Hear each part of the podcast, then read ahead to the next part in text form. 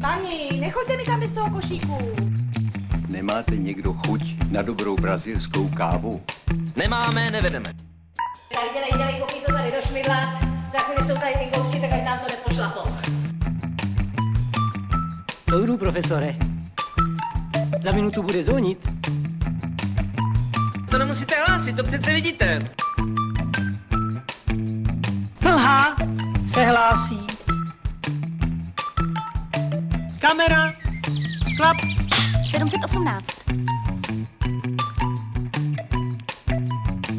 Já mám pouze dotaz stran té brazilské kávy.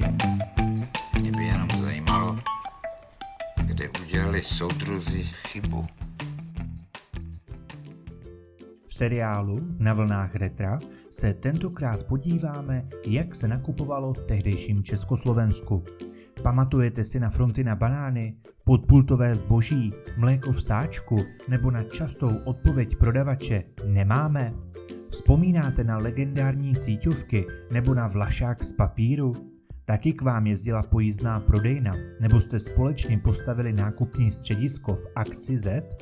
Víte, ve kterém roce vznikla první samoobsluha v Československu? A chodili jste nakupovat do jednoty nebo do pramene?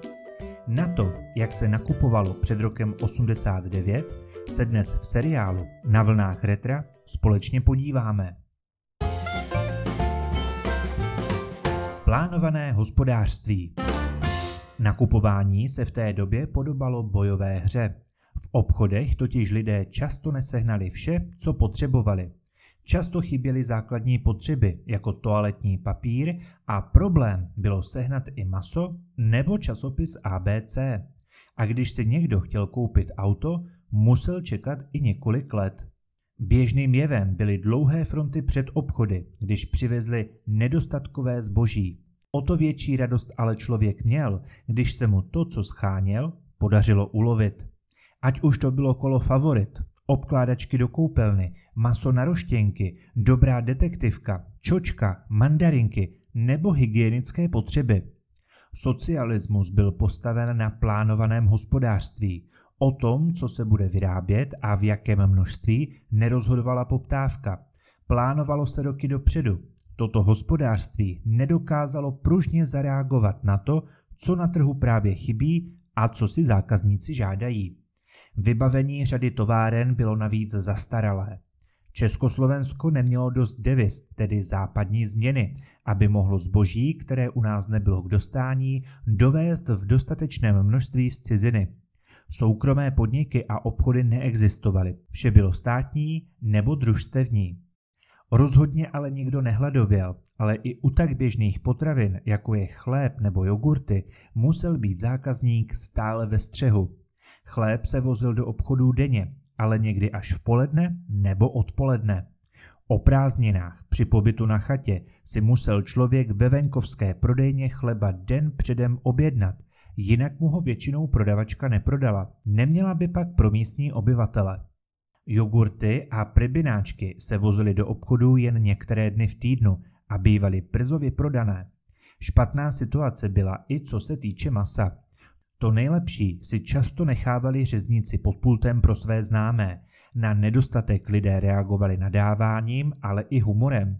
Například v roce 1978, když vyletěl do vesmíru náš kosmonaut Vladimír Remek, se říkalo Není maso, nejsou auta, ale máme kosmonauta. Nedostatkové zboží Výhodu měli ti, kteří měli v obchodech příbuzné a známé, nebo mohli prodavačkám a prodavačům nabídnout za takové zboží nějakou protislužbu nebo jim dali úplatek. Těmto zákazníkům odložili prodavačky zboží stranou, takzvaně podpult, a prodali jim ho potají, aby to ostatní nakupující neviděli.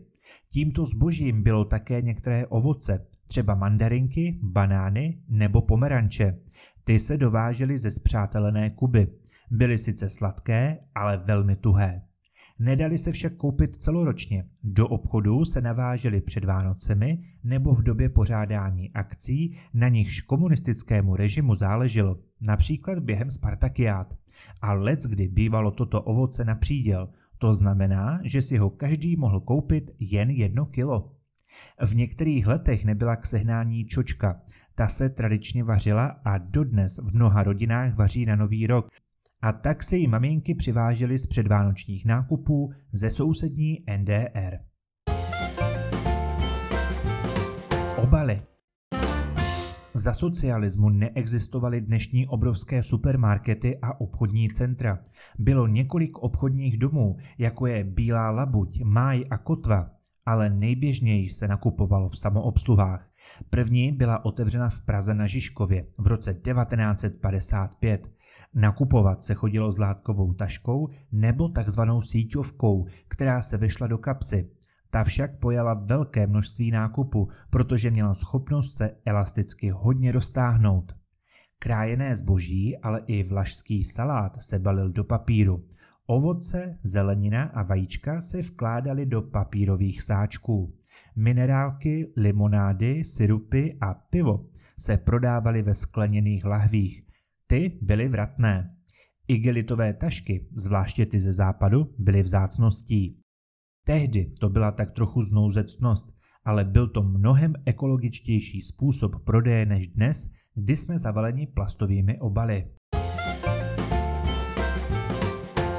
Mléko v pytlíku Mléko v pytlíku se do polyetylenových sáčků začalo plnit od 80. let 20. století. Sáčky byly čtvrtlitrové, půllitrové a litrové. V roce 1988 se v Československu objevilo první krabicové mléko, které postupně plastové pytlíky nahradilo. Na mléko v pytlíku se prodávala i speciální umělohmotná nádobka. Bez ní jste mléko po otevření v lednici prakticky nemohli skladovat. Ale pozor, sáčky se často trhaly. Taky máte ještě v živé paměti, jak páchla taška, do které vyteklo mléko z pytlíku? Pojízdné prodejny Pojízdné prodejny byly zvláštní kapitolou družstevního obchodu. Výjíždět i do odlehlých vesnic začaly hned po válce. Sortiment měli značně omezený, většinou představoval jen základní potraviny, vedle pečiva i konzervy a sušenky. Časem se některé vylepšily natolik, že nabízely širší sortiment, třeba i zákusky.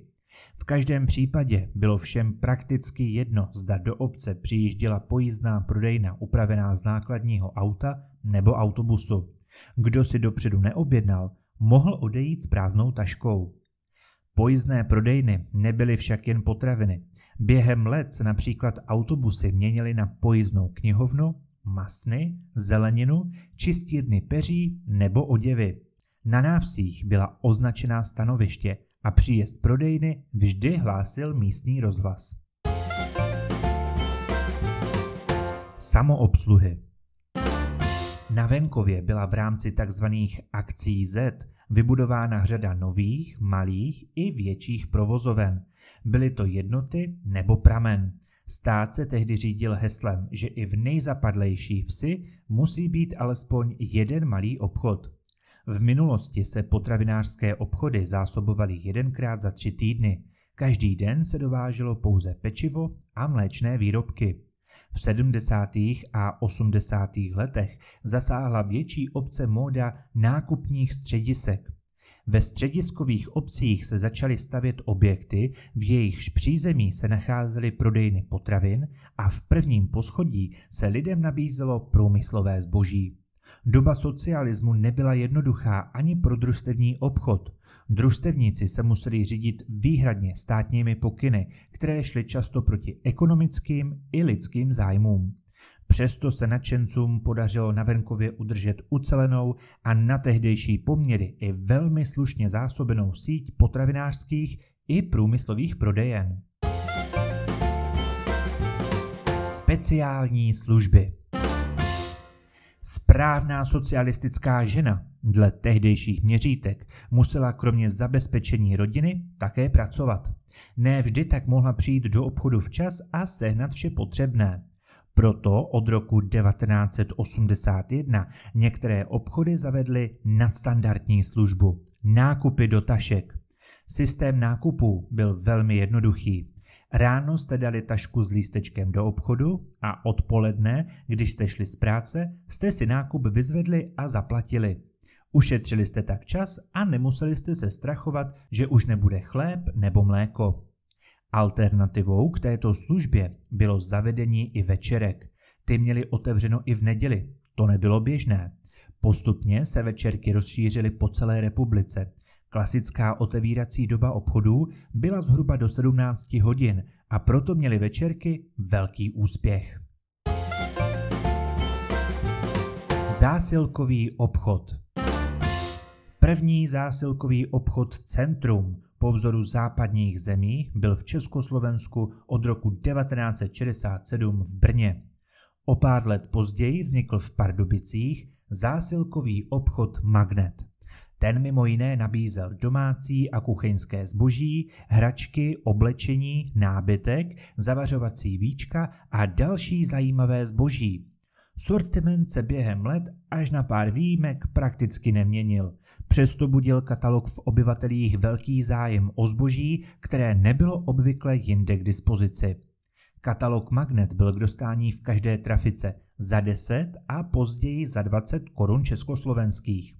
Zboží, které jste si podle něj objednali, jste dostali poštou, bohužel někdy s několika měsíčním spožděním, anebo vůbec. A co vy? Objednali jste si někdy zboží z katalogu Magnet? Vzpomínáte na první večerky u nás a potkáváte i dnes pojízdné prodejny a služby? Napište nám, jak na nákupy v době nedávno minulé vzpomínáte. A příště se můžete těšit například na restaurace a jídelny.